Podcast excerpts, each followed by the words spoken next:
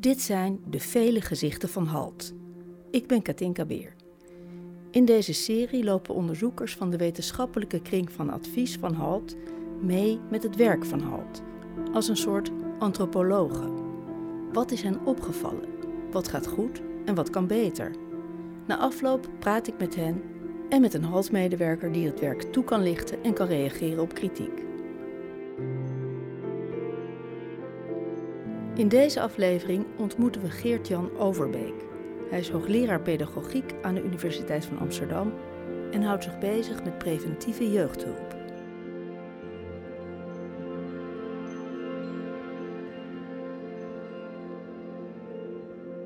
Bijvoorbeeld opvoedingsondersteuning bij gezinnen waarbij ouders wat, uh, wat meer spanning of opvoedstress ervaren.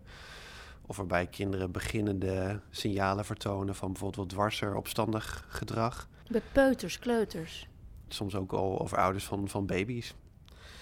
Als je een probleem kan voorkomen, dan is het A, heel veel beter voor de kinderen of de gezinnen of de, de scholen om wie het gaat. Het scheelt gewoon heel veel gedoe en problemen die je later moet repareren. Repareren kost altijd veel meer moeite. Het kost altijd veel meer tijd, veel meer geld. Uh, en de kans op succes is ook kleiner. Dus we weten uit onderzoek wel dat als je vroeg interveneert, uh, dat je dan vaak effectiever kan zijn. Een, goed voorbeeld is eigenlijk uh, gerelateerd, denk ik, aan, aan HALT. En vroeg ingrijpen bij bijvoorbeeld probleemgedrag of, of beginnend crimineel gedrag of risicogedrag van jongeren. Als je daar helemaal in het begin kan ingrijpen, bepaalde gedachtepatronen of gedragspatronen van jongeren kan omdraaien, dan heeft dat op de lange termijn potentieel een veel groter effect. Dan als je bijvoorbeeld moet gaan werken met geharde criminelen die in die top 600 zitten.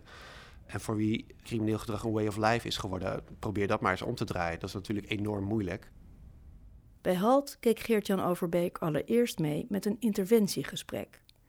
Een tiener was op een motor de weg opgegaan zonder rijbewijs en was toevallig gesnapt door een agent.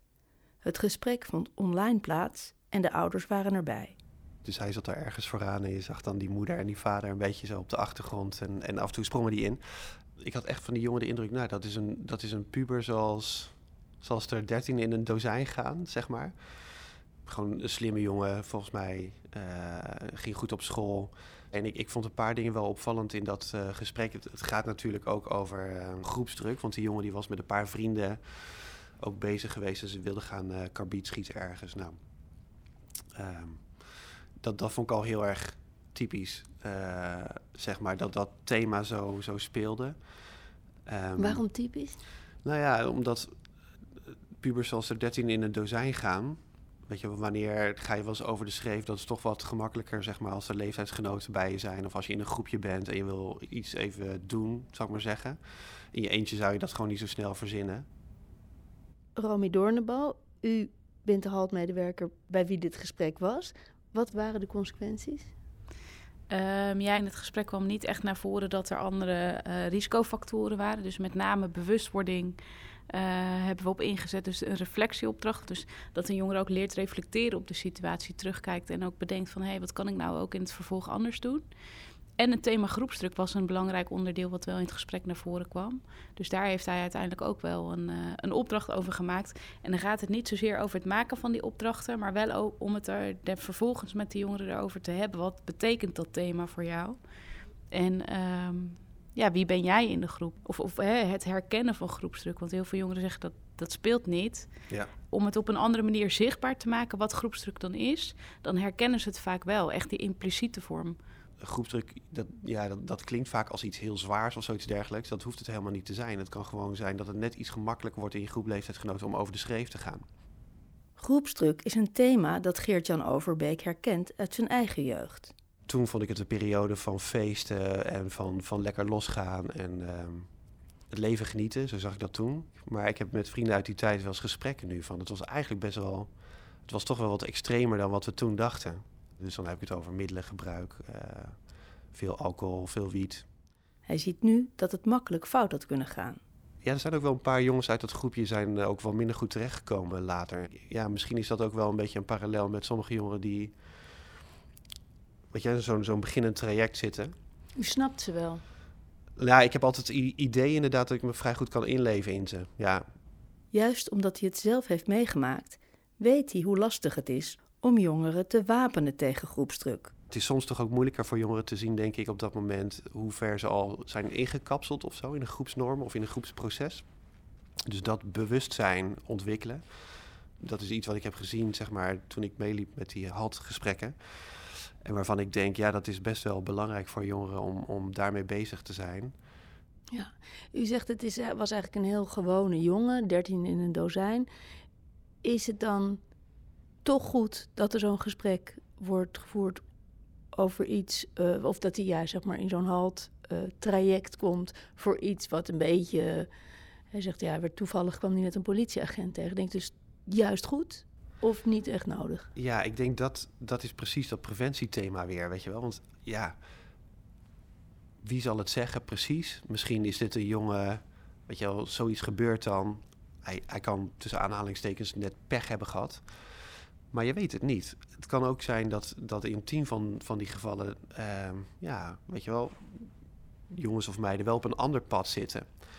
Uh, en dan is het toch belangrijk om bij zoveel mogelijk van die jongeren eventjes een soort van check-in te kunnen hebben van hey, hoe gaat dat hier eigenlijk? En, en hoe kijk je naar dingen als groepsdruk of, of naar je gedrag?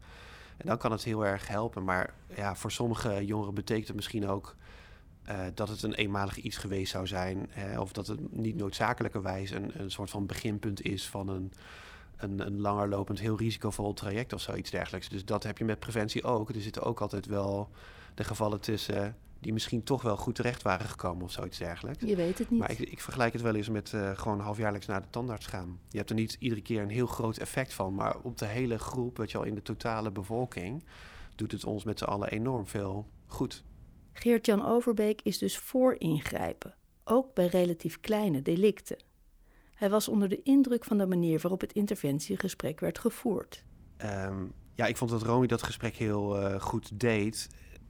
Niet normerend, maar echt gewoon uitvragend en proberen te identificeren inderdaad van, weet je, wat is er precies gebeurd? Uh, waarom hebben we dit gesprek met elkaar? Wat zijn de vervolgstappen? Um, en ik, ik kan me voorstellen voor jongeren misschien, maar met name ook voor ouders kan het best spannend zijn, omdat je denkt van ja, we zitten hier voor een reden natuurlijk. Uh, dus er zit misschien op de achtergrond best wel een beetje een bezorgdheid of een soort van schaamte of schuld, misschien ook wel over wat er gebeurd is. Dus dan is het juist heel erg belangrijk dat je niet normerend insteekt. Want als het blijft hangen in schaamte en schuld, dan is het voor jongeren veel gemakkelijker om in de verdediging te schieten, denk ik. Veel moeilijker eigenlijk om die ontwikkelingsstap ook echt te gaan maken dat vond ik echt heel sterk in dat gesprek. Dat, dat herinner ik me nog goed dat ik wegliep van ja, dat maakt het veel veiliger voor zo'n jongen en veel gemakkelijker voor zo'n jongeren ook om ermee aan de slag te gaan. Romy Doornbal, eh, u deed die interventie. Um, Geert-Jan Overbeek zegt het is niet normatief en dat is belangrijk. Is dat een belangrijk uitgangspunt? We hebben wel een normerend karakter, maar ik denk dat je ook heel erg doet wat bij je past. Dus als je bij meerdere medewerkers meekijkt, zal iedereen op zijn eigen manier een gesprek voeren. Maar de insteek is wel dat je de jongeren daarvan laat leren. Daarvoor gebruikt ze motiverende gesprekstechnieken. Dus dat is veel meer gericht op het uh, de jongeren zelf uh, laten vertellen en aan het denken zetten. En dat kan je doen door reflectievragen te stellen. Dat kan je doen door um, schaalvragen te stellen bij bepaalde dingen. Van hey, hoe zou je daar naar kijken? En dan geven ze een cijfer. Uh, bijvoorbeeld, hoe zit je in je vel op dit moment van 0 tot 10? En, wat zou er moeten gebeuren om dat hoger te... Dus je hebt bepaalde vragen die je kan inzetten... of een bepaalde techniek om jongeren eigenlijk zelf meer te laten vertellen. Dat is denk ik ook het gevoel wat ik had... dat zo goed liep in dat gesprek. Dat het niet zo'n... iemand is met een opgeven vingertje van... nou jongen, jij moet dit echt anders aan gaan pakken, want anders... Maar dat je juist probeert gewoon bij die jongeren zelf die reflectie uh, zover te krijgen. Ja. Wat was de tweede plek waar u meeliep? Een school in Nieuwegein. Een voorlichtingsbijeenkomst op school. Middelbare school, basisschool? was een middelbare school, ja. Het was een klas met alleen maar jongens en veel haantjesgedrag. Toch leken ze zich er niet van bewust dat thema's als groepsdruk en groepsdynamiek ook in hun klas zou kunnen spelen. Ja, dat speelt bij ons helemaal niet. Wim, die de voorlichting gaf, liet een film zien van een experiment waar een groep mensen zich in een kamer bevindt waar opeens rook verschijnt. Alsof ergens in het gebouw brand is. Er is één iemand die, die weet niet, hè, die zit niet in het complot. De rest van die mensen die op die rijstoelen zitten, die zitten allemaal in dat complot en die zijn dus geïnstrueerd. Je blijft gewoon zitten, je doet niks. Ook al staat die hele kamer vol rook en dat is op een gegeven moment zo extreem dat je bijna niets meer kunt zien. Terwijl de kamer zich vult met rook, blijft iedereen op zijn stoel zitten. Ook de persoon die niet in het complot zit. Je kijkt wel de hele tijd om zich heen natuurlijk van waarom in godsnaam doet niemand iets. Uh, het alarm gaat af op een gegeven moment ook en zo. En die andere mensen blijven nog steeds zitten. Dus als die jongeren daarnaar kijken, dan hebben ze zoiets nou, waar slaat dit op? Weet je, dat zou je toch nooit doen? Maar ja, je ziet het wel gebeuren. En, en dat komt heel, uh, heel goed binnen bij die. Uh, bij, dat kwam in ieder geval bij die jongens heel erg goed binnen. Van nou ja, kun je dan situaties bedenken waarin je zelf misschien toch. weet je wel, wat extremere dingen doet die, uh, die je misschien eigenlijk als je naar zo'n filmpje kijkt echt niet verwacht dat je daarin mee zou gaan, maar dat je die misschien toch doet. En uh, dat gesprek dat kwam wel goed op gang bij die jongens, dus dat vond ik wel mooi om te zien. Overbeek zag in de klas ook groepsdynamiek optreden, maar dan op een positieve manier. Dus dat één jongen was gewoon heel duidelijk de, de populaire jongen in die klas. Maar dat was nou net een jongen die ook best wel duidelijk een soort van prosociale norm neerzette in die klas. Dus af en toe is het natuurlijk even wat drukker of, of uh, jongens zitten een beetje te klieren met elkaar. En dan was hij ook degene die zich omdraaide en zei, jongens, even opletten nou. Hij was ook de jongen die iets eerlijker vertelde over bijvoorbeeld dat hij wel eens over de schreef was gegaan met dingen. En in zijn kielzog kwamen dan ook andere jongens met, uh, met verhalen. Maar groepsdynamiek beïnvloeden blijkt nog niet zo eenvoudig. Er is ooit in Amerika is er zo'n onderzoek geweest naar jongeren op zomerkamp. Die onderzoekers hadden bedacht, jongeren die risico lopen op de ontwikkeling van crimineel gedrag wat belangrijk is, is dat ze in contact komen met zeg maar, zich normaal, positief, gezond ontwikkelende leeftijdsgenoten. Wat doen we? We sturen ze naar een zomerkamp. Het ging om jongeren die uit armere buurten kwamen en die het verkeerde pad op waren gegaan.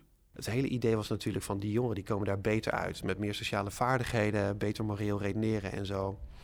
Ik weet nog precies wanneer ik dat artikel voor het eerst las. Dat was voor mij echt een eye-opener. Dacht, soms kunnen we ook echt schade berokkenen aan, uh, met onze interventies aan jongeren. Want wat bleek, die jongeren die dus uh, naar dat zomerkamp waren gestuurd, die jongeren met dat risicogedrag, als die een paar keer of meer naar zo'n zomerkamp waren geweest, dan hadden ze een tien keer hoger risico om uh, crimineel gedrag te ontwikkelen, psychiatrische stoornissen te ontwikkelen, dus depressie of angst. Dus dat, dat, dat sloeg toen echt in als een bom. Um, en het idee eigenlijk was ook van, ja, hoe kan dit nou ontstaan? We dachten toch dat we gewoon op een positieve manier met die jongeren aan hun sociale vaardigheden aan het werken waren. Maar omdat die context van die zomerkampen relatief ongestructureerd was, er was niet heel veel supervisie op de jongeren. Wat je zag, is dat die jongeren elkaar dus een beetje uh, een deviancy training gaven. Dus als jij bijvoorbeeld uh, tegen mij een verhaal vertelt over... Uh, nou, ik liep gisteren over straat, ik verveelde me kapot. En toen heb ik een paar flinke krassen gezet op een auto uh, in de straat of zo. Weet je wel, spannend. En ik reageer daar niet afwijzend op. Of sterker nog, ik ga het positief bekrachtigen door bijvoorbeeld te lachen om jouw verhaal. Of om uh, zelf ook een beetje te gaan opscheppen over de dingen die ik heb gedaan van één auto. Ik heb gewoon mijn sleutel gepakt en ik ben gaan rennen langs een hele rij auto's. Uh, weet je, en dat gebeurde trouwens in die klas ook. Daarom moest ik eraan denken. Dat op een gegeven moment zo'n jongen die had ook een verhaal over zijn kras zetten op een auto. En wat je dan wel ziet is dat dat positieve, dat lacherige, dat is deviancy training. Het is niet een, een soort van crime training, elkaar vertellen hoe je kunt inbreken of zoiets dergelijks. Het is gewoon een positieve bekrachtiging van een antisociale norm. Dus dat was voor mij ook iets waarvan ik toen, toen ik in die klas zat, waar ik aan terugdacht. Want ik dacht, die gesprekken moet je dus ook wel heel duidelijk kaderen. Het is niet zomaar aan de jongeren vragen van heb je wel eens dit gedaan of heb je wel eens dat gedaan en dan ze gewoon daarover laten praten. Want dan kan het wel eens uit de bocht vliegen. Het is heel belangrijk dat je dat gesprek ook wel uh, stuurt op een bepaalde manier, duidelijk aangeeft wat ook uh, uh, de normatieve grenzen zijn, zeg maar. Want anders kunnen ze hun ideeën daarover kunnen eigenlijk erger worden. Ze kunnen het normaler gaan vinden. Ja, normaler. Ja, als jij uh, zo'n verhaal vertelt en je klasgenootjes vinden dat een stoer verhaal, of die moeten daarom lachen, of, of die blijken zelf ook wel eens een keer zoiets hebben, te hebben gedaan. En je grijpt niet in op dat gespreksproces, dan gaat zo'n balletje gewoon verder lopen. Dan gaat zo'n vuurtje verder lopen. Dus dat, dat, dat vond ik ook wel opvallend tijdens uh, dat klassengesprek. Dat, dat deed Wim ook heel erg goed. Daar zat hij wel bovenop. Hoe dan? Um, nou, door ook te zeggen van, nou ja, ik merk jullie, jullie lachen hierom. Maar, um, weet je, uh, laten we eens nadenken over de consequenties. Uh, kras op een auto, spannend moment voor jou misschien, maar voor die auto-eigenaar, wat betekent dat? Of wat zou het betekenen als we allemaal zeg maar, heel gemakkelijk elkaars bezittingen zouden, zouden vernielen of zoiets dergelijks? In wat voor buurt leven we dan? En dan draai je die gedachte eigenlijk weer om, inderdaad. Dat is ook een goede manier om zo'n deviancy training proces een beetje te, te stoppen. Waren er hier dingen waarvan u dacht, dat zou ik anders doen? Nou, ik dacht vooral, um, wat moeilijk om dit goed te doen. dat, dat veel meer. Want uh, ik merkte wel dat ja, je, je, moet ze wel, je moet ze wel echt pakken en niet meer loslaten. dat deed Wim ook heel goed. Weet je wel, snelle introductie en meteen to the point. Want anders ben je gewoon zo'n saaie volwassene die niet aansluit, zeg maar. En, die er niks van snapt en met, met wie je helemaal niks hebt. Dat deed hij echt goed. Dus, en veel vragen stellen en mensen op elkaar laten reageren. Ik, ik zat eigenlijk de hele tijd alleen maar met bewondering te kijken van... God, dit, dit is echt iets wat best wel moeilijk is om te doen. Om dat groepsproces dus ook in goede banen te leiden. U was er halt gevraagd om in te zoomen op één bepaald thema. Ja. Welk thema was dat? Dat was het thema van sociale weerbaarheid. Ja, en wat, wat, wat verstaat u daaronder? Weerbaarheid gaat over je eigen pad kunnen kiezen, ook al begeef je in een context waarin andere mensen andere dingen doen, of zeggen dat jij andere dingen moet doen. En het is sociaal. Uh, dus jij bent niet in je eentje weerbaar in een wereld, maar daar heb je ook je ouders bij, daar heb je ook je vrienden bij nodig. Maar op jezelf kunnen vertrouwen is denk ik ja, wel echt uh, misschien wel de centrale pijler van een gezond opgroeien en ontwikkelen.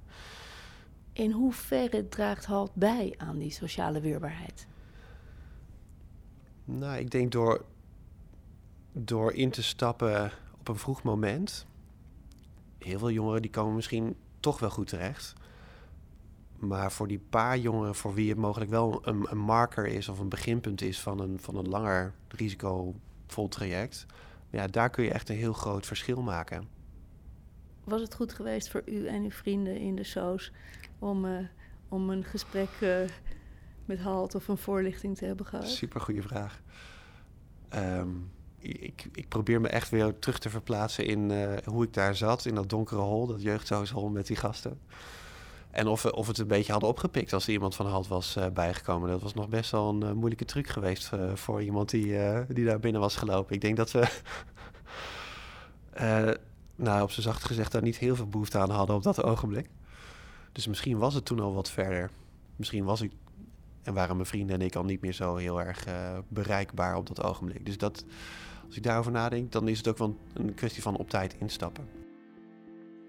De Vele Gezichten van Halt is een podcast gemaakt in opdracht van Halt. Opzet en montage Jennifer Patterson. Eindredactie Jaap van der Spek en Willem Lammering. Productie Natasja Koppuit. Muziek Darius Timmer.